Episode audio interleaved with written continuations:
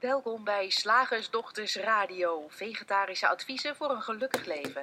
Linda Spaanbroek en Angela Mastwijk geven je een kijkje achter de toonbank van de menselijke ervaring. Hoe werkt het daar nu echt? Wij maken gehakt van ingewikkelde concepten en fileren met liefde ook jouw leven. Dat alles onder het motto geluk. Mag het een onsje meer zijn? Hallo luisteraars, welkom bij de radioshow van 14 maart 2018. En vandaag willen we het heel graag met je hebben over het verschil tussen een goed idee en een inzicht. Oh, dat is een hele grote en een heel belangrijke in het, in het kader van uh, hoe wij opereren, om het zo maar te noemen. Ja, want wat, wat zien we? We leven in een wereld vol goede ideeën. Um, we moeten in het nu leven. Ja. We moeten mindful zijn. We moeten minimaliseren. Ja. Um, ons huis opruimen. positief blijven. En al die ideeën die kunnen inderdaad helpen om een beter leven te krijgen. Ja. Um, dingen een beetje anders te doen. Maar het blijft wel heel erg goed opletten of het wel in lijn is alles wat je doet met dat goede idee. En of je wel op de juiste manier denkt en of je wel op de juiste manier handelt. Of je wel consequent bent, of je het niet even vergeet om mindful te zijn, of in het nu te zijn. Oh, was ik ja. weer niet in het nu? Hé, blijf toch eens bij de les, Angela. Ja, ja, ja. ja. Of, of ik schrik ergens van, oh, ik had toch geleerd om gelijkmatigheid te betrachten en nu schrik ik weer. Ja, en wat, er, wat, er, wat het voor mij ook met zich meebrengt, is de hele tijd monitoren. Oh ja. Oké, okay, um, ik, ik wil, wil mij beter voelen. Ik heb geleerd dat ik dan mindful moet zijn. Of mm -hmm. ik heb geleerd dat ik in het nu moet zijn. Ja. Of nou ja, wat, wat je dan ook geleerd hebt. Misschien heb je geleerd om drie keer per dag tien minuten te mediteren. Hoorden wij laatst ook van ja. mensen dat dat een goed idee was. Um, en nu voel ik mij even niet zo goed. Dus nu ik mij even niet zo goed voel, doe ik iets fout. Ja. Wat doe ik dan fout? Dus ik heb, ik heb ook het idee dat je er een soort obsessief van gaat navelstaren. Ja, precies. Van, oh, oh, het feit dat nog niet alles perfect is zoals ik wil dat het is. Of uh, dat ik mij nog niet altijd zo voel zoals ik mij wil voelen. Vrolijk, optimistisch, uh, in balans, weet ik veel. Betekent dat ik iets fout doe. Want ik heb uh, genoeg goede ideeën om het goed te doen. Maar blijkbaar doe ik ze niet, hou ik ze niet vol. Ik ben ook een loser. en daarmee zijn we eigenlijk weer, weer terug bij af. Bij dat, bij dat goede idee waar het, uh, waar het mee begonnen ja. was om ons leven te verbeteren. Wat ik ook zo interessant vind van goede ideeën. Is, uh, heb jij dat wel eens? Dat je, dat je dan, dan zie je iemand. En die doet iets waarvan je denkt, dat is niet handig. Ja. Al is het maar um, je ongehoorzame hondje loslaten naast een hele drukke weg of zo. Dat je denkt, Om maar iets heel belangrijks weet je, te noemen. Ik heb een goed idee voor jou. Doe dat hondje aan de lijn. Maar zo, maar zo zijn er wel meer dingen. Dat je iemand ziet worstelen en dat je denkt, weet je... Weet je, gewoon een training bij ons doen, dan is ja. het opgelost. Dat Ja. lijkt dan een heel goed idee. Of, of, of weet je, je krijgt die broek van vorig jaar niet meer dicht.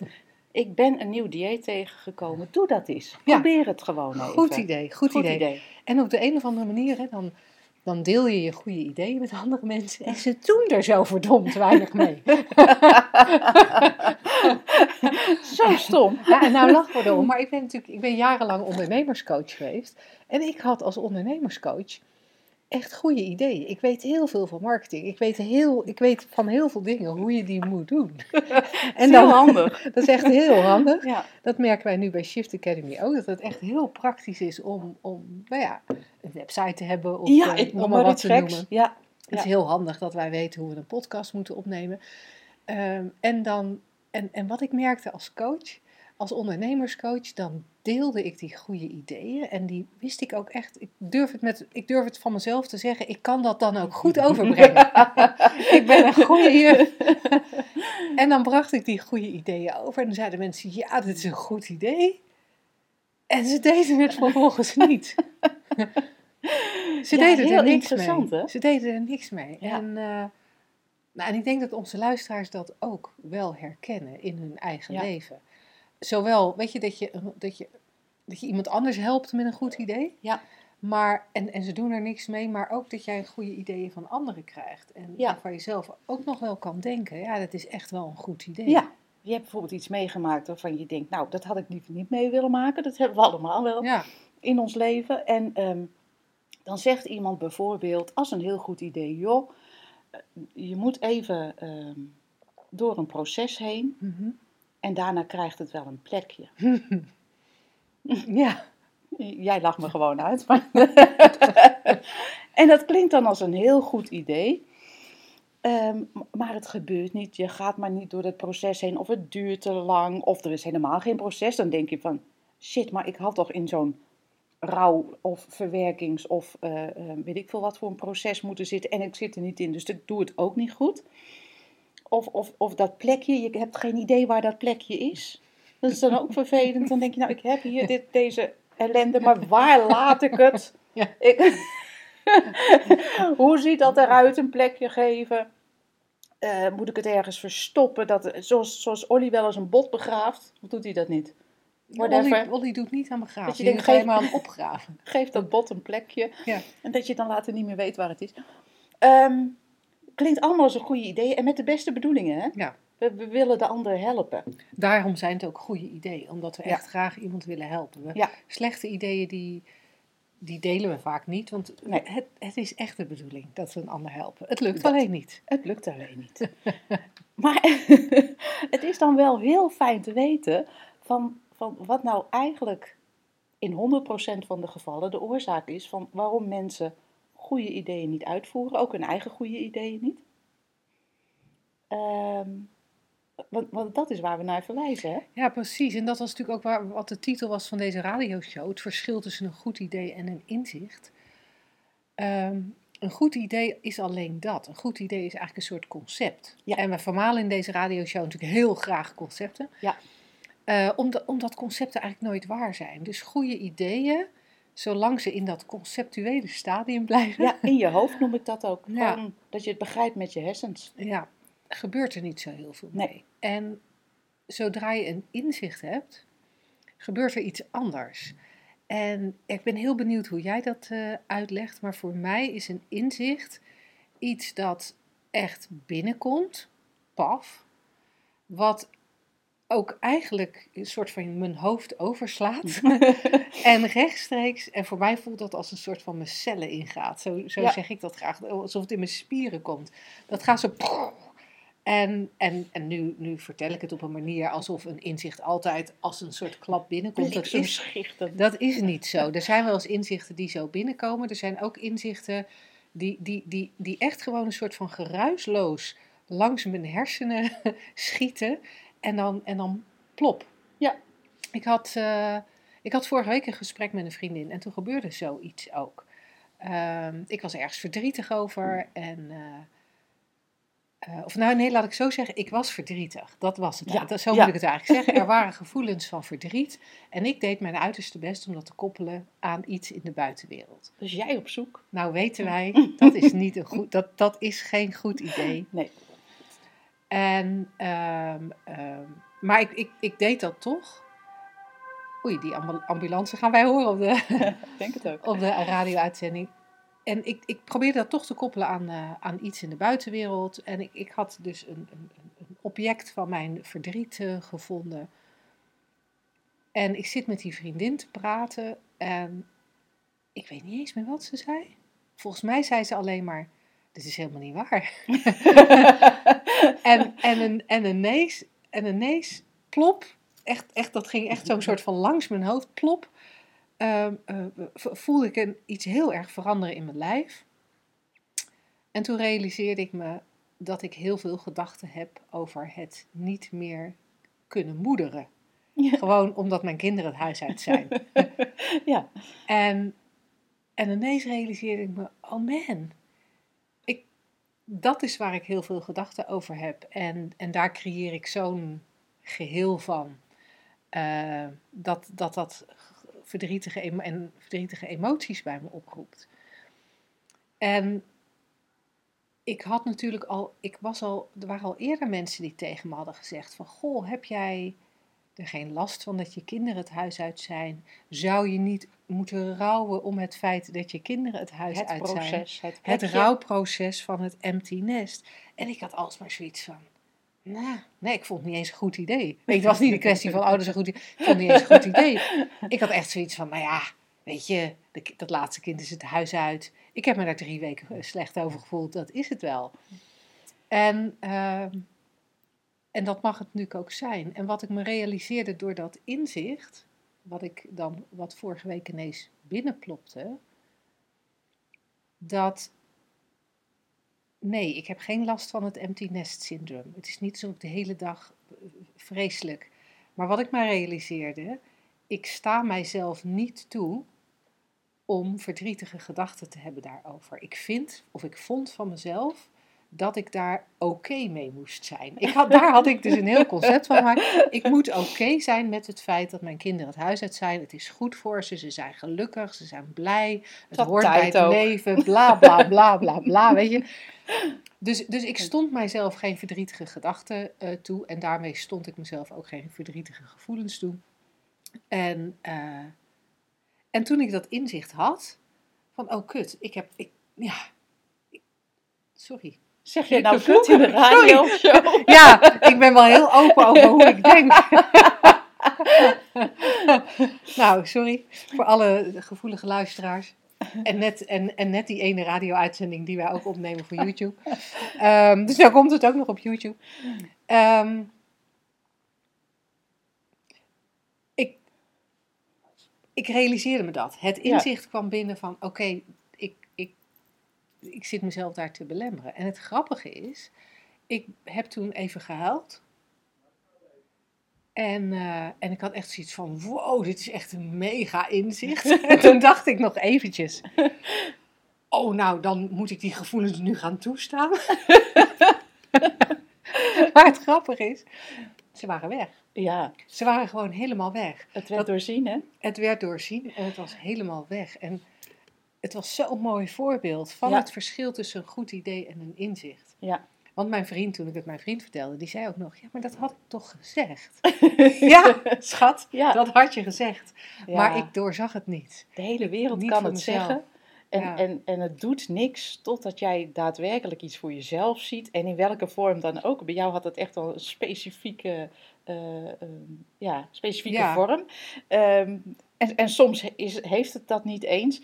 Maar wat ik ook altijd merk is dat eh, na zo'n inzicht, of je daar nu woorden aan kan geven of niet, dan, dan verandert er daadwerkelijk ook iets in je gedrag en in je ervaring als mens. Ik vind eh, eh, mijn, mijn stoppen met roken een mooi voorbeeld. Is al heel lang geleden. En algemeen wordt aangenomen dat stoppen met roken een goed idee is. Ja. Er zijn heel veel boeken over geschreven, stappenplannen, je kan, je kan trainingen volgen. Er is echt van alles te doen. Stoppen met roken, kauwgom, pleisters, weet ik veel, pillen. Eh, Want stoppen met roken is een goed idee en dat weten alle rokers waarschijnlijk. Maar waarom er niet gestopt wordt, is omdat het, er, er is geen, geen inzicht in dat het daadwerkelijk niet logisch is voor jou, specifiek op een manier die, voor- die voor jou helder is. En op het moment dat ik, en ik weet echt niet, ik kan er geen woorden aan geven wat ik nou, nou zag, maar van het een op het andere moment was het echt zo onlogisch om een sigaret nog op te steken Ja. alsof ik, eh, eh, eh, dat, dat zou hetzelfde geweest zijn als dat ik met mijn mijn mond aan de uitlaat van de auto ging hangen. Zo zag het er voor mij uit. Ik dacht echt, hé? Nee, nee, geen goed idee. Nee. Nee. Ik- En dat is dan, want je gebruikt de woorden geen goed idee, maar dat is dan een heel ander Ja, geen goed idee. ja, Hey, en en ehm, jij noemde ook nog van, je kan er soms woorden aan geven, soms niet. Ehm, ik heb ook het idee dat er wel eens inzichten voorbij komen waar je je niet eens echt van bewust bent. ja.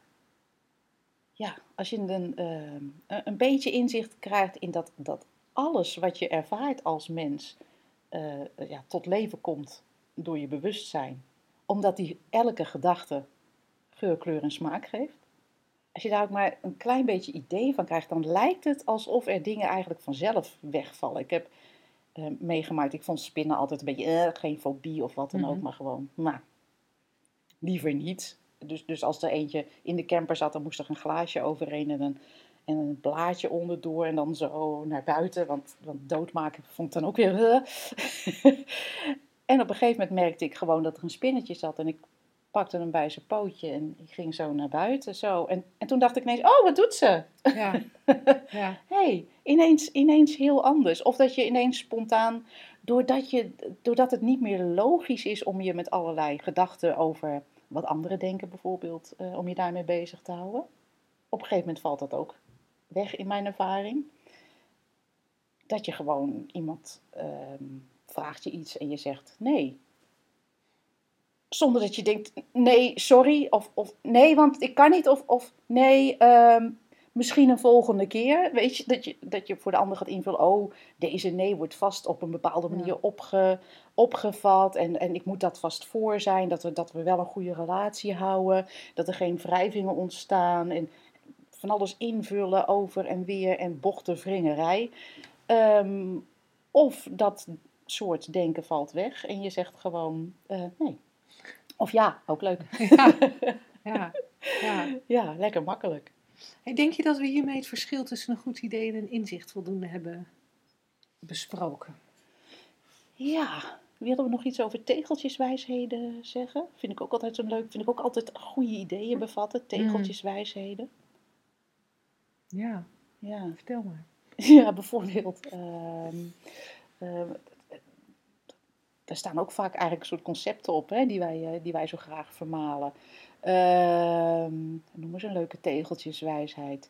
Eh, van het concert des levens heeft niemand een programma. Nou, dat is, dat is echt, dat is echt een heel goed idee. Volgens mij is het waar ook echt. Je weet echt, je hebt geen idee wat er gaat gebeuren. Ja. En dat kan je honderd keer lezen en het kan niets voor je doen, zolang je niet echt eh, daar een inzicht over hebt. Hè? Ja, dat is wel mooi, want bij het, van het Concert des Levens heeft niemand een programma. Dat is er echt, dat is er eentje die, die bij mijn ouders op het wc hing toen ik klein was. Ja, Dus ik ben daarmee kan je opgegroeid. nagaan. Heel goed Ehm, idee. Dus het was echt een heel goed idee dat we nooit wisten wat de toekomst zou brengen. Maar toch heb ik geleerd, Ja. of mijzelf aangeleerd, om heel erg mijn best te doen om die toekomst wel te sturen. ja, en te managen en in de hand te houden en dingen te voorkomen. Dus En- het tegeltje heeft echt niks Nee. voor me gedaan. Nee, ik denk dat dat een, een heel mooi voorbeeld is van, eh, van het verschil tussen een, een leuk idee, een goed idee en een inzicht. Ja.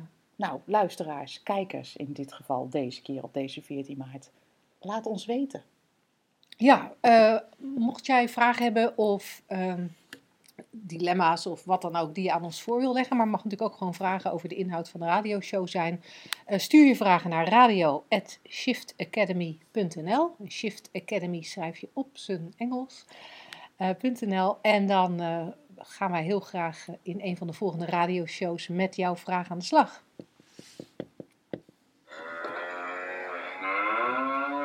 Slagersdochters, wat zit er in de leverworst? Oftewel, tijd voor wat wetenschap. Tijd voor wat wetenschap. Dan moet ik even op mijn computer kijken. Hoppakee. Het is een beetje een, een, een, een, een, een flutonderzoekje. Sorry daarvoor. Maar dat is ook wel eens leuk tussendoor. Hè? Als Ja. van die hele ingewikkelde kwantumfysica of andere eh, diepzinnige natuurkundige vraagstukken. Mhm. Eh, dit is een beetje een, eh, ja, een luchtig onderzoek. Maar ik vond hem wel heel leuk om hier te bespreken, want het, het, het sluit zo aan bij wat wij eh, vaak zien gebeuren om ons heen en in onszelf. Eh, het onderzoek dat is gedaan naar eh, Twitter. En het blijkt dat leugens zich zes keer sneller op Twitter verspreiden dan de waarheid. Is sowieso wel leuk, want wat is de waarheid? Volgens mij zit hij nergens op Twitter, maar goed. Dat is weer voor een andere uitzonding, uitzending, denk ik. Eh, dus, dus leugens verspreiden zich zes keer zo snel. En, en eh, de onderzoekers die zich hiermee bezig hebben gehouden, dachten in eerste instantie, ja, dat komt door bots. Er schijnen, daar heb jij waarschijnlijk meer verstand Mm. van dan ik. Er zijn bots op het net die die dingen verspreiden. Ja, dat een Beetje scary. automa- geautomatiseerde Twitter-accounts die geautomatiseerd berichtjes versturen. Blij dat jij dat weet. Eh, dus ze dachten, nou, dat is daaraan te wijten. Maar dat is dus niet zo. Eh, De mens doet het zelf. En eh, niemand minder dan onderzoekers van de Massachusetts Institute of Technology, de MIT, heeft dat onderzocht. Ze bestudeerden verschillende nieuwsberichten gedurende 11 jaar, tussen 2006 en 2017. eh, die zich dus over Twitter verspreiden. En de, die nieuwsberichten, dat waren er, even kijken, die zijn samen 4,5 miljoen keer doorgegeven, gedeeld door 3 miljoen mensen. En van elk van die nieuwsberichten hebben die wetenschappers vastgesteld of het klopte of niet. En ze hebben vervolgens geanalyseerd eh, op, op welke wijze dat nieuws zich verspreid had. Ja. Leuk hè? Eh, en het onderzoek wij- wijst dus uit dat false news, fake news is volgens mij een meer gebruikelijke Tegenwoordig term. wel, hè, Ja, maar fake news. Dit onderzoek was al van 2006, dus ver voor Trump. Dus Ja, volgens ja. mij is die met fake news begonnen. Precies. Dat verspreidt zich echt anders dan de werkelijkheid. Die onderzoekers zeggen, we ontdekten dat leugens zich aanzienlijk verder, sneller, dieper en breder verspreiden dan de waarheid. En dat gold dus voor alle informatiecategorieën. Zo bleken leugens 70% meer kans te hebben om geretweet te worden dan verhalen die wel klopten. En leugens bleken zich bovendien zes keer sneller te verspreiden dan verhalen die wel correct waren. Allemaal mensenwerk. Eh, de leugen regeert dus op sociale netwerken, was een van de conclusies. Maar wiens schuld is dat? Niet die computerprogramma's die geautomatiseerd berichten plaatsen op Twitter. Want toen ze alle bots uit hun dataset haalden, bleven die verschillen eh, tussen de wijze waarop onjuiste en juiste nieuwsberichten zich verspreiden bestaan. En eh, wij zelf zorgen er dus voor dat leugens zich snel verspreiden. En eh, ze hebben gekeken naar politiek, terrorisme, wetenschap, roddel en achterklap. Eh, maar één nieuwscategorie die sprong er wel echt uit met die, eh, met die leugensverspreiding. En dat was de politiek. Echt waar? Ja, in de politiek echt, vertel daar een leugen en hoppa, hij gaat het net over. En eh, bovendien bleek het aantal onjuiste berichten dat op Twitter circuleerde te pieken tijdens zogenaamd belangrijke momenten, zoals de Amerikaanse presidentsverkiezingen. Dus als je een leugen wil verspreiden, moet je even wachten tot er iets zogenaamd Nou ja, we belangrijks hebben gebeurt. binnenkort de uh, gemeenteraadsverkiezingen. Oh. Dus dat is denk ik een heel goed moment om dan... eh, Even een experimentje te doen en een leugen te verspreiden. Ja, en op basis van, eh, van hun analyse denken die onderzoekers dus ook meer te kunnen zeggen over waarom die leugen nou regeert op Twitter. En dat zou te herleiden zijn naar het feit dat we van nieuwigheden houden. Onjuist nieuws is nieuwer en mensen zijn sterker geneigd om nieuwe informatie te delen, stelt een van de onderzoekers. En op sociale netwerken krijgen mensen aandacht door als eerst voorheen onbekende, maar dus mogelijk onjuiste informatie te delen. Ze profileren zich zo als het ware als iemand die helemaal op de hoogte is. Nou ja, dus dit is wel een waarschuwing voor iedereen eh, op Twitter, vooral in, eh, in tijden van, eh, van grote veranderingen. Ik geloof niet alles wat je leest. Maar wat ik zo, zo grappig vond, waarin, waarin het, dit onderzoek ook een beetje inhaakt op wat, wat wij vaak zien gebeuren met, met de gedachten die zo al opkomen in de mens, is dat wij geneigd zijn veel meer aandacht te geven aan fake news in ons hoofd. Je bent niet goed genoeg, hè? Je hebt een te dikke kont, hè? Echt, echt, je gaat dit dus nooit redden. Allemaal dat, dat fake news in je hoofd, dat lijkt ook dieper te gaan en zich sneller te verspreiden dan, eh, dan eigenlijk gewoon de realiteit. nee, ik zie er eigenlijk best nog leuk uit zo. Ja, waarom zou ik het niet kunnen? Probeer het gewoon. Ja, nooit gedaan. Denk dat ik het wel kan. Hè? Onze, onze Pippi, eh, ons Pippi-motto. Ook interessant vind ik bijvoorbeeld als je vertelt, ehm, en dan heb ik het meer over een soort het verschil, een beetje arbitrair hoor, tussen positief en negatief nieuws. Van, eh, ik hoor heel vaak mensen zeggen op de vraag, goh, hoe is het? Nou ja, wel aardig, maar vorige week, jongen, ik was ziek. Nou, echt in jaren niet zo ziek geweest. Het was echt heel heftig. Ik hoor andersom nooit iemand zeggen: Hoe gaat het? Nou, ik ben nu ziek, maar vorige week was ik toch gezond? Ik heb me nog nooit zo goed gevoeld als vorige week. Vind ik zelf Ja. altijd een interessant dingetje. Vinden wij als mens misschien dat soort, eh, ehm, ehm, laten we even zeggen, negatieve gedachten, aandachttrekkende gedachten? Hè? Dat, dat, dat Ja. kwam ook uit het onderzoek. Vinden we dat nou zoveel interessanter dan, eh, ja, dan gewoon gezond en gelukkig en in balans zijn? Ja, Ja, ja. vinden we. Ja, ja, want ik ben, ik ben, eh, ik, ik heb een NS1 gedaan, hè? Eén onderzoek, één, één onderzoekssubject, namelijk ikzelf. Oh, Ik ben eh, een paar weken geleden op wintersportvakantie geweest. En dat heb ik als heel erg leuk ervaren. Ja. En dan zeggen mensen, en dan vragen mensen, en hoe was je vakantie? Nou, onwijs leuk. Echt, ja, heel erg leuk. is het eh, wel goed gegaan met eh, de kinderen van je partner? Hè, Want ik was met mijn partner en zijn kinderen op vakantie. Ja, echt onwijs gezellig. Was het niet onwijs koud? Ja, ja, het was wel heel koud. Maar ja, met een sjaal voor je gezicht eh, was het wel echt heel goed te doen. En, en ik krijg regelmatig zoveel vragen dat ik op een gegeven moment denk...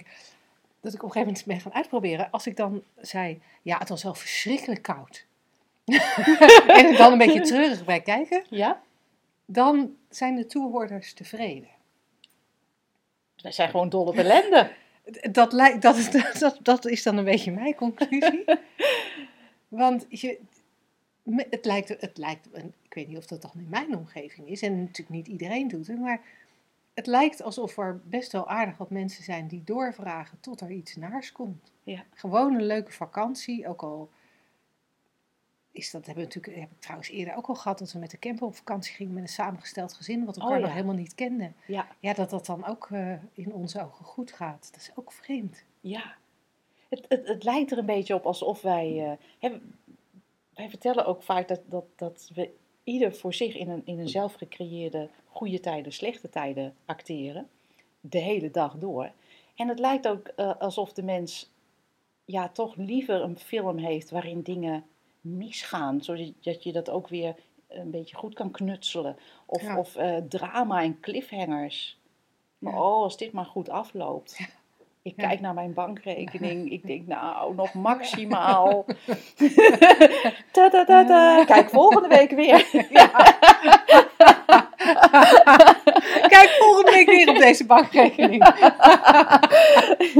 of, of ja, of, of mijn kind die, die, die ontspoort vreselijk. En, en eh, hij, hij heeft, zit nu aan de, aan de, aan de wiet. Maar ehm, hij heeft dus ook al zitten zoeken, zag ik op zijn computer, naar de werking van LSD.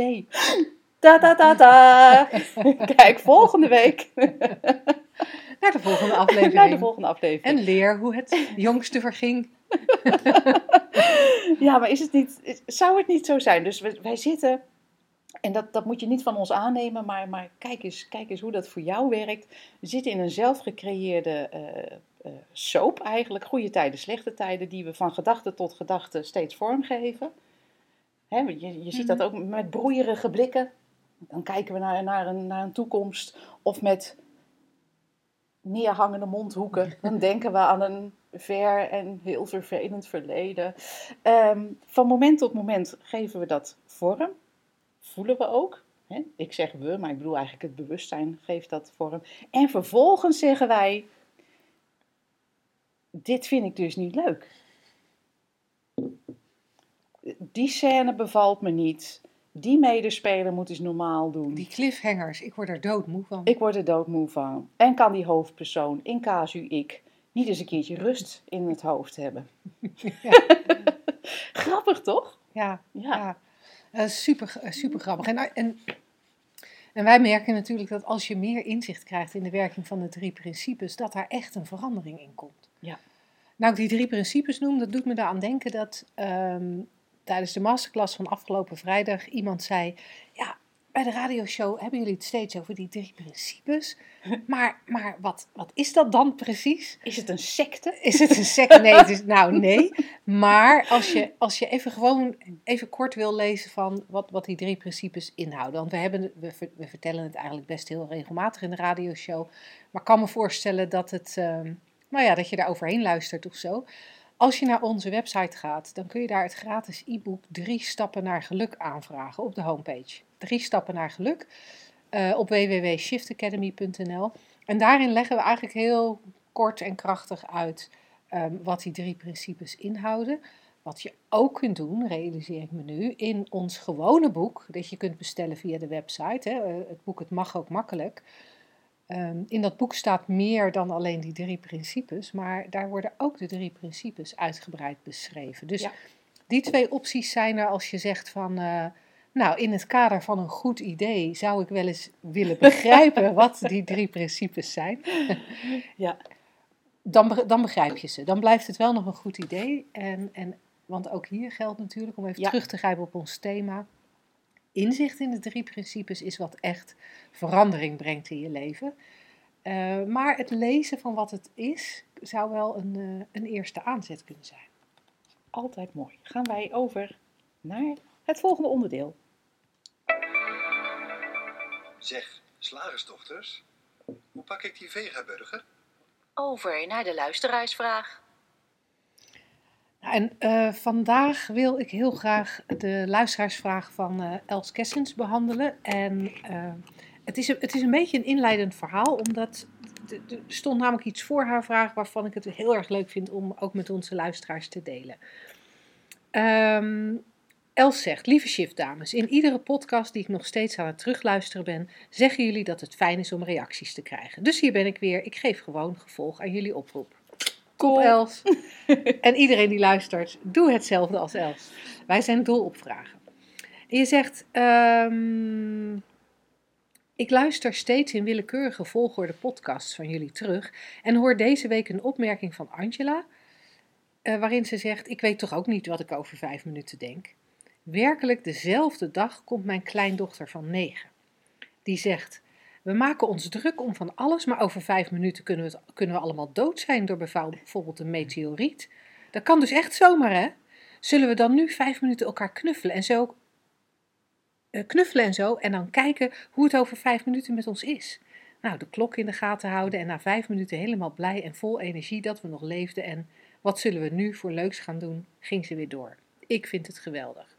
Van haar is ook dit gedichtje. Ze schreef het toen ze vier was. Is dit echt mijn wereld? Is dit echt mijn leven? Is dit echt mijn zon? Is dit echt de regen? Zou ik echt nog wel leven? Wat cool. Nou, ik vind het echt briljant. Ja. Ehm, eh, het bewijst zo ontzettend wat wij heel vaak zeggen: dat, dat jonge kinderen nog heel dicht bij, bij hun innerlijke wijsheid zitten. Ja. Die innerlijke wijsheid waar wij, die wij allemaal nog in ons hebben. Alleen waar wij zoveel overheen denken, Ja. eh, dat, we het, dat we die wijsheid niet meer horen of zo. Eh, dus echt heel, heel eh, cool om, om dat zo geuit te zien in het, het, kleindochtertje van, van Els. Ehm, Els heeft ook nog een vraag in, Ja. het, in het kader van, van, van, dit, van de kleinkinderen. Zij zegt, hoe kun je meewerken of ervoor zorgen dat kleine kinderen hun natuurlijke houding vasthouden? Als het gezin al een klimaat heeft waar dit, waar, waar dit nog lekker kan blijven, eh, waar dit nog lekker kan blijven bestaan, dan is het je moeten verdedigen op het consultatiebureau. Ook Elste de kinderen hebben het over het consternatiebureau, zoals wij dat ook al eens hebben gedaan. Maar dan is het je moeten verdedigen op het consultatiebureau al moeilijk. En na hun vierde jaar is daar dan ook nog de school die zich er tegenaan bemoeit. Die is zo erg bepalend met hun hokjesdenken, dat alles is heel erg van invloed. Jullie schrijven ook over de luizenmoeder. Ik haal vaak kleinkinderen op van school ehm, en maak de sfeer en wat daar gebeurt redelijk mee. Ik bemoei me nergens mee, eh, maar naar de luizenmoeder kan ik niet kijken. Het is grappig cynisch bedoeld, maar het is potdomme veel en veel te veel zoals het echt gebeurt. Zo jammer toch. Hoe hou je je staande hierin als kind met een nog zuivere blik? Met een nog zuivere blik. En hoe help je het kind? Oh, wat een coole vraag zeg. Dat is een hele coole vraag. Ja. Ik heb verschillende mensen gesproken, los van elkaar, die zich een moment konden herinneren als, als klein kind, waarin ze bewust eh, waarnamen van, en nu moet ik alles gaan bedenken. Ja, Vond ik zo, ik heb dat zelf niet. Niet, ik, niet dat ik dat terug kan halen. Maar, ehm, en dit vond ik zo mooi dat er dus blijkbaar bij sommige mensen echt, echt een overgang in zit van alles gaat, hè, er is gewoon leven in elk moment. En soms is het, ah, soms is het, jee. En, en dat er dan blijkbaar bij sommige mensen bewust een omschakeling is van, oh, maar wacht even. Kijkend naar de mensen om je heen, ga ik dan vanuit, weet ik niet eigenlijk. Ehm, oh, ik moet dingen gaan bedenken. Ik moet Ja. gaan bedenken wat ik moet doen. Ik moet gaan bedenken wat ik moet gaan leren. Ik moet gaan bedenken hoe ik mijn leven moet leiden en wat ik later wil worden. Om maar even iets eh, te bedenken. ja. En eh, ik, vond het, ik vond het zo eh, cool om te horen dat er mensen zijn die die omschakeling zich nog kunnen herinneren. En dus misschien, maar dat is mijn conclusie, ook makkelijker terugschakelen van, oh, maar wacht even. Dat, Ja. hoeft, dat hoeft dus niet. Laat me zitten. Laat me zitten. Ik, ik ga gewoon weer leven in plaats van mijn leven te, te bedenken en te sturen en te managen.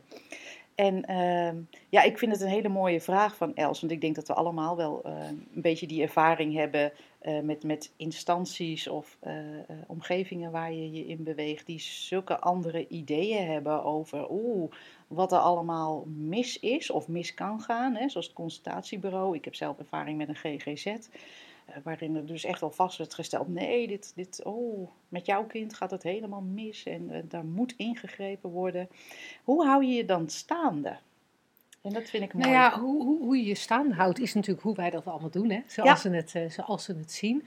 Ehm, ik merk aan mezelf dat ik een beetje tweeslachtig op deze vraag wil reageren. Want aan de ene kant denk ik, ja, ehm, tuurlijk, je moet je, je, je moet je best doen om de natuurlijke staat van het kind in stand te houden. Eh, en dan, dan heb ik daar ook ideeën over. Hè. Dan ben Ja. ik geneigd om te zeggen van, weet je, als je je kind nou thuis gewoon het goede voorbeeld geeft, dan komt het wel goed en dan houdt het zich eh, wel staande. Eh, en dan, dan, dan blijft het ook wel aardig in die. Eh, eh, ja, dan, dan blijft het nog wel contact houden met die natuurlijke staat. Dat vermoed ik ook wel. Ik weet het niet, want ik heb het bij mijn kinderen niet kunnen uittesten. Maar ik ver- vermoed het als kinderen van jongs af aan met die wetenschap worden opgevoed. hè. Bijvoorbeeld doordat ze jouw boek Binnenste Buiten Bente lezen of voorgelezen krijgen. Dat kan heel erg helpen bij dat vasthouden van, eh, van die houding of het vasthouden van dat weten. Dus dat is de ene kant van het verhaal. En de andere kant, zeg maar de, de, de, de, de andere antwoordrichting die in mij opkomt van mijn tweeslachtigheid is van, ja, maar dit is hoe het leven is. Die illusie, die hoort erbij. Die, die, Er gaat niets mis. er gaat niets mis. Nee. Weet je, ook als, ook als het kind ehm, vergeet dat het die innerlijke wijsheid in zich heeft, eh, dan nog is het van binnen wel altijd oké en kan die kern nooit beschadigd raken. Dus er zit, dus, dus er zit bij mij ook iets in van, ja, weet je, die, die drie principes, die, die vormen een wetmatigheid, zoals de zwaartekracht ook een wetmatigheid eh, is. En ja, wij kunnen aan de zwaartekracht ontsnappen. Door eh, een soort van, hè, door in een vliegtuig te stappen. Daar, daar hebben we iets van trucjes Raket. waardoor we de lucht in kunnen. We kunnen een raket in. We kunnen eh, cabines maken waarin, waarin geen zwaartekracht is. Maar het blijft altijd een beetje behelpen. Want, op el, want, want uiteindelijk zijn we onderhevig aan die wetmatigheid. En dat vind ik bij de drie principes ook. Die wetmatigheid, die is er. Ja. En daar kunnen we niet aan ontsnappen. Dus er zullen altijd momenten in ons leven zijn, of misschien is het zelfs wel een uitzondering als die momenten er niet zijn, dat we, dat we denken en ons denken ervaren, beleven. En, in, en ons er even niet van bewust zijn dat dat het geval is. Ja, ons even niet bewust zijn van het feit dat, dat we in een illusie van de vorm leven. Ja, En dat dat niet erg is. nee. En dat daarin van alles ervaren kan worden. En daar gaat nooit iets mis. nee, Nee. nee. En ik denk wel dat je als ouders, ehm, ik zeg ook altijd, balans is besmettelijk. Als jij zelf voor jezelf echt inzicht hebt, is weer het verschil tussen niet denken van ja, ja, ja, dat, dat, eh, hè, ik snap het met mijn hoofd, daar heb je niet zoveel aan. Maar, maar echt inzicht hebt in hoe, het, in hoe het werkt. En dus, dan kan het niet anders als je echt een inzicht hebt, dat je naar dat kind kijkt en ook weet, in al je cellen, zoals jij dat altijd zo mooi noemt, dat het oké is. Ook al vliegt het gierend uit de bocht op, eh, op school of ehm, Ja. met drugs of weet ik veel. Hè, hoe het er ook uitziet, als jij als ouder inzicht hebt in hoe het systeem werkt en weet van, van, de, van het intrinsieke welzijn van je kind, dat, dat doet iets. Dat, dat is wat mij betreft eh, ook genoeg. Om als ouder naar binnen te kijken en weten wie jij bent en daarmee weten hoe iedereen werkt. Want we zijn, Ja. allemaal, we zijn allemaal hetzelfde. En daarmee vervalt wat mij betreft, hè, als we het dan hebben over wat doet een inzicht, eh, ja, dat, dat verandert dus de manier waarop je je gedraagt. Eh, wat, wat mij betreft heeft dat eh, in, in de tijd dat mijn kind niet at, ervoor gezorgd dat, er- dat, dat er op veel minder momenten de neiging bij mij bestond om maar te gaan, gaan knutselen aan dat kind, om hem eh, te manipuleren, zou ik bijna willen zeggen, om toch maar te gaan eten. Ehm, maar dat er gewoon vanuit, meestal zeg ik hè, ik ben ook een mens, meestal vanuit, eh, vanuit rust en helderheid kon, kon worden ja, gekeken naar, oh, nou, dan was er soms wel eens iets te doen of iets te zeggen wat, wat vooraf niet bedacht was, niet een goed idee van een ander was, maar gewoon wat van binnenuit kwam en wat blijkbaar dus heel erg, ja, prettig is, helpend. Ja. Ja. Ja, ik vind, dat, ik vind het wel leuk om nog heel even dat balans is besmettelijk ook Ja. eh, nog weer even te benoemen. Ja. Ehm, het helpt mij eraan herinneren dat we in april een, eh, onze maandelijkse masterclass over moeiteloze opvoeden gaat. Ja. En dat is een hele mooie mogelijkheid voor ouders om, eh, ja, om in deze richting te kijken en dan met, met als, als thema de opvoeding. Ehm, wat, wat, wat, wat, wat vraagt het van jou? Wat vraagt het van je kind? Wat kun je doen om je kind te begeleiden eh, in het kader van deze inzichten? Maar misschien ook wel gewoon omdat het niet lekker loopt tussen jou en je kind. Ja. En hoe kan inzicht in de drie principes je dan helpen? Hè? Want, en, en dan kom je op die balans. Daarom moest ik eraan denken. Op het moment dat jij meer in balans bent, je beter voelt, je lekkerder voelt, ehm, heeft dat direct invloed op de relatie met je kind. Eh, dus daar willen we in die masterclass in april naar kijken. Nou, als dat, eh, als dat iets voor je is, als je geïnteresseerd bent in opvoeding eh, en met name moeiteloos opvoeden, eh, nou, ik, ik noem hem nog een keer www.shiftacademy.nl. De luisteraars kennen hem inmiddels uit ons hoofd. Eh, onder het kopje trainingen vind je ook de masterclass moeiteloos opvoeden. of in onze agenda die je ook op de website vindt. Ja, en, en ja, met, met inzicht hierin, dan, dan, ik moet ook denken aan een blog wat, wat we ooit gepubliceerd hebben. Dan ontstaat de mogelijkheid om, om een vuurtoren te worden. Ja. Ja, een vuurtoren. Zo van, ik krijg elke keer een rode kop als er iets gebeurt. Nee. Eh, wij hebben ooit een blog, een blog gepubliceerd, op de, op, die is vast op de site te vinden onder, onder het uh, Nee, Nou dat weet ik niet, want hij, hij, hij, hij is nog uit de tijd van zijn onzekerheid. Volgens mij staat hij ook Heb op je hem ook op Shift Shift Academy. Academy Ja, ja. En eh, daarin vergelijken we eigenlijk eh, ons als, als ouders al. ehm, kijk, het is heel gebruikelijk en heel normaal, maar niet natuurlijk. Om als, er een, eh, als, als je kind ontspoort of ehm, ehm, in de problemen komt, een label krijgt, opstandig is, ik noem maar wat. om, om, om daar je heel erg op te focussen en daar iets aan te willen doen. En daarin vergelijken wij een- kind wat dus, dus waar, het even niet zo lekker mee gaat, wat niet zo lekker in zijn vel zit, als, als iemand die in een bootje stapt en, en in het donker de oceaan opgaat. En daar verdwaalt in de storm, in de, in, in, eh, in de regen, in hoge golven, eh, helemaal, helemaal de weg kwijt. Zo, zo, kan je dat, eh, zo kan je dat zien. Dat is niet fijn. En als ouders, of soms ook eh, eh, als een vriendin eh, zoiets, Ja. zoiets doet, hebben wij heel erg de neiging om dan ook in een bootje te stappen. Want oh, dat, dat, dat kan niet, wacht even. En dan Ik kom je helpen! ja, en dan erachteraan te gaan, gaan roeien en, en, dan, en dan vaak ook zelf te verdwalen, zelf, ik noem maar wat, eh, eh, depressief, angstig of eh, in de war te raken, ehm, niet meer te slapen. En, en vervolgens ja, moet je maar op zoek naar dat kind en dan in de hoop dat je hem vindt en misschien tegenstribbelend en wel terug kunt sleuren die kant op. En eh, met, met, met, al heb je maar een heel klein beetje inzicht in hoe het systeem werkt, dan ontstaat er de mogelijkheid om een vuurtoren te zijn. Op momenten dat je het ziet. En, en eigenlijk zo'n licht over die oceaan te schijnen dat op het moment dat jouw kind omkijkt, heel even, of je vriendin of, of wie er dan ook verdwaald is, dat die denkt, oh, daar, oh, wacht even, oh, daar moet ik heen. Daar is het, daar, daar, daar is de kust. En dat is eh, ten eerste voor jezelf heel ontspannen om gewoon een vuurtoren te zijn. en ten tweede voor degene eh, wie jou zo na aan het hart ligt ook heel erg handig. Nou, dat Ja, mooi, dus. mooie toevoeging. Nou Els, tot zover jouw vraag. Dankjewel.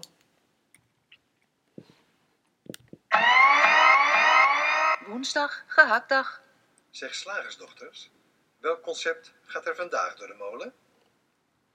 Het is eh, heel erg leuk. Dit is eigenlijk het concept wat we vandaag willen behandelen, is eigenlijk een beetje een combinatie tussen een concept en een luisteraarsvraag. Oké. Want het is namelijk een concept die wij van eh, een luisteraar hebben toegestuurd gekregen, van Monique.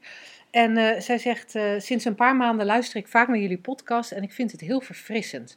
Vooral het concept van de gedachtentreintjes, dit concept niet vermalen, vind ik heel herkenbaar en zo'n leuke metafoor.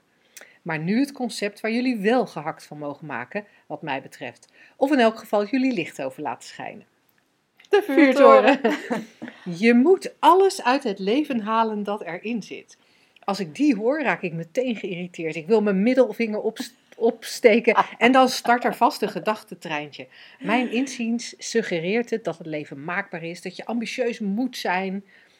Ehm, voor wat betreft het vormgeven van je leven. En dat je moet leven aan de hand van een bucketlist.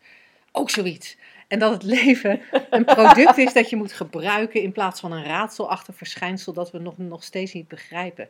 Ik lees hier drie keer moed, net als bij de dwingende toon van bovenstaand concept.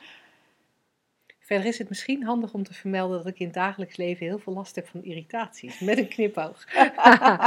nou, uh, Monique, jouw andere irritaties. Ehm, stort ze vooral op een ander moment uh, over ons uit. Misschien leuk om een keer naar de masterclass te komen. Um, of gewoon nog een aantal vragen voor de radioshow in te uh, zenden. Maar voor nu even het concept: je moet alles uit het leven halen dat erin zit. Ja. Ja, ik kan, ik, ik, ik kan wel een beetje meevoelen met Monique hoor. Ja, vertel.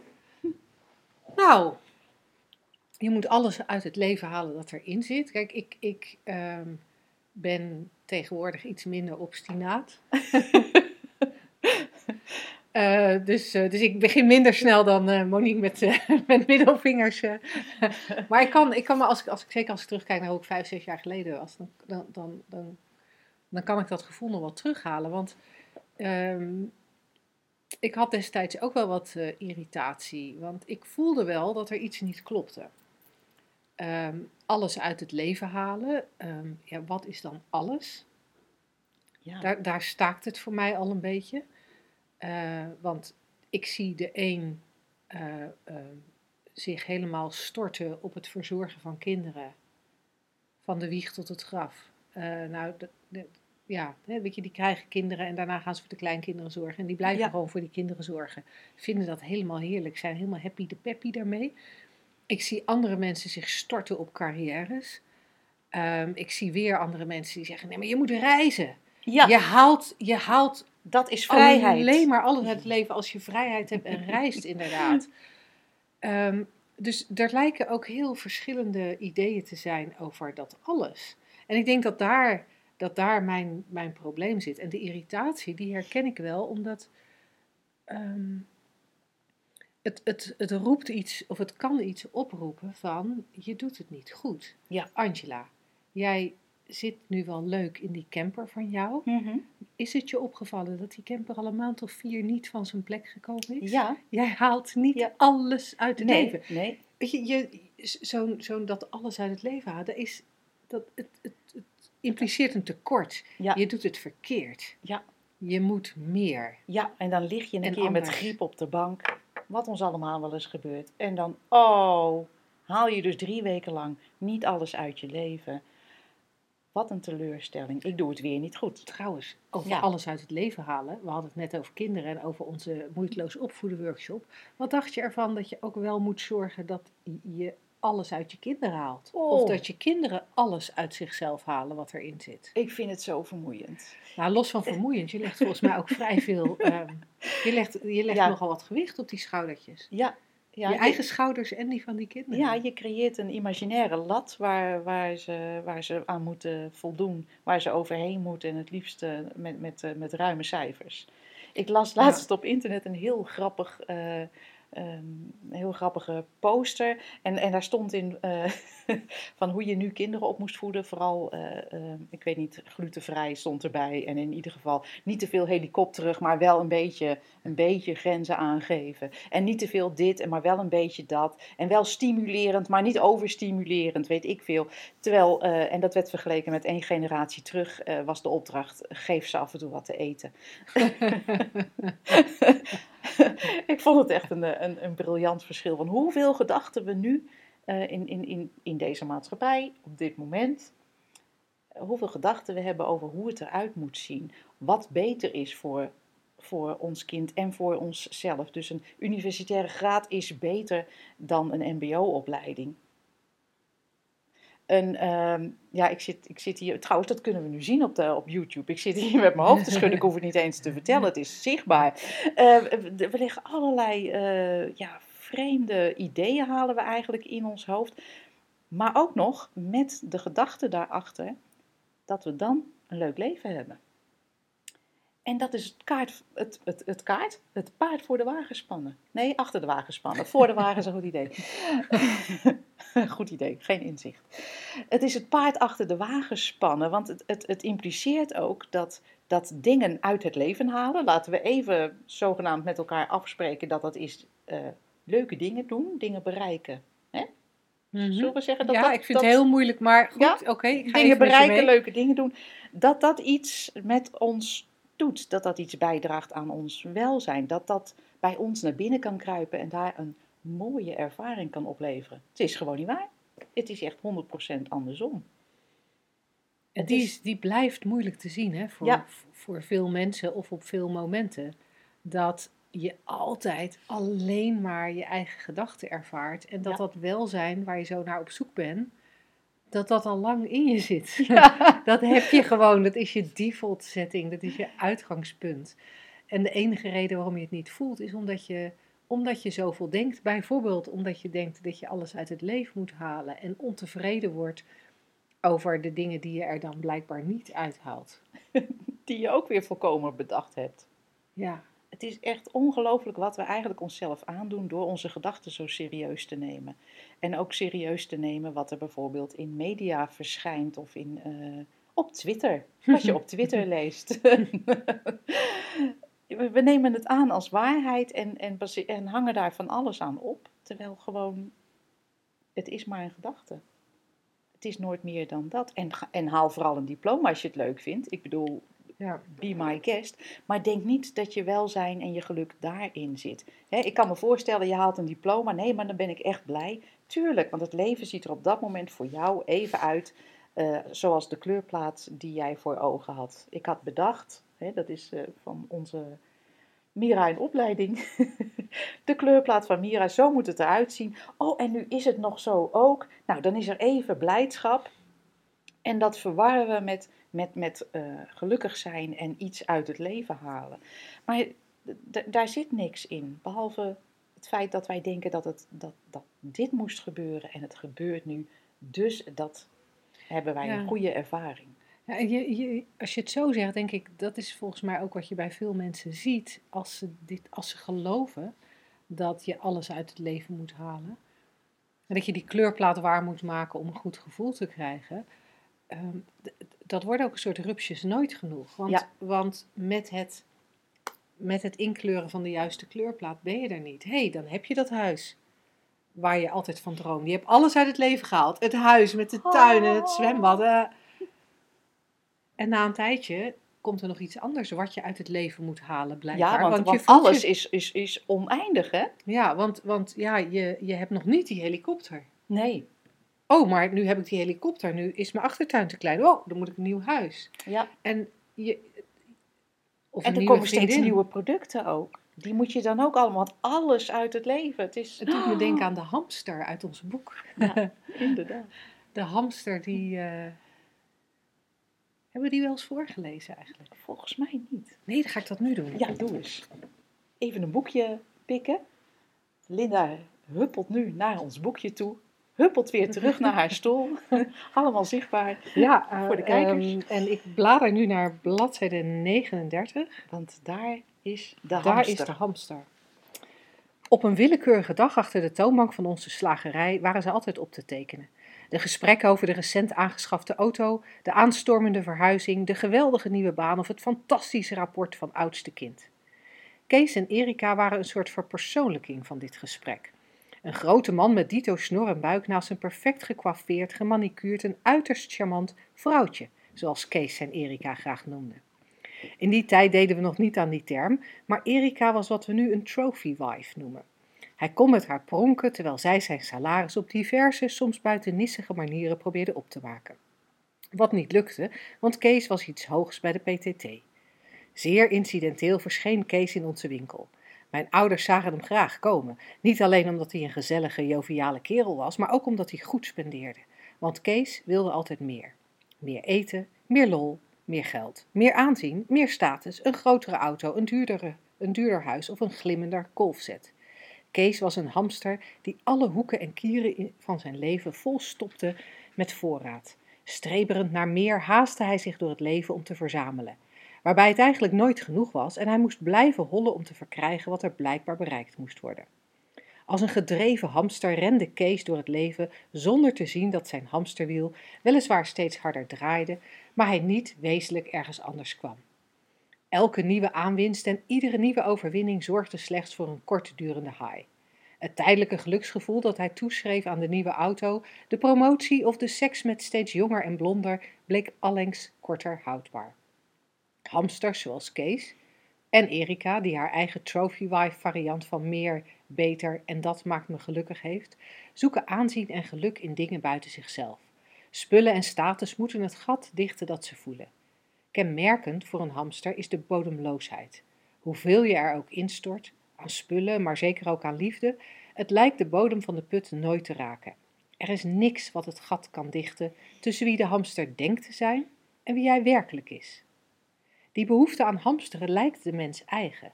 Het is niet voor niets dat Slans bekendste grootgutter ons uitnodigt meer te kopen met behulp van deze blozende knaagdieren.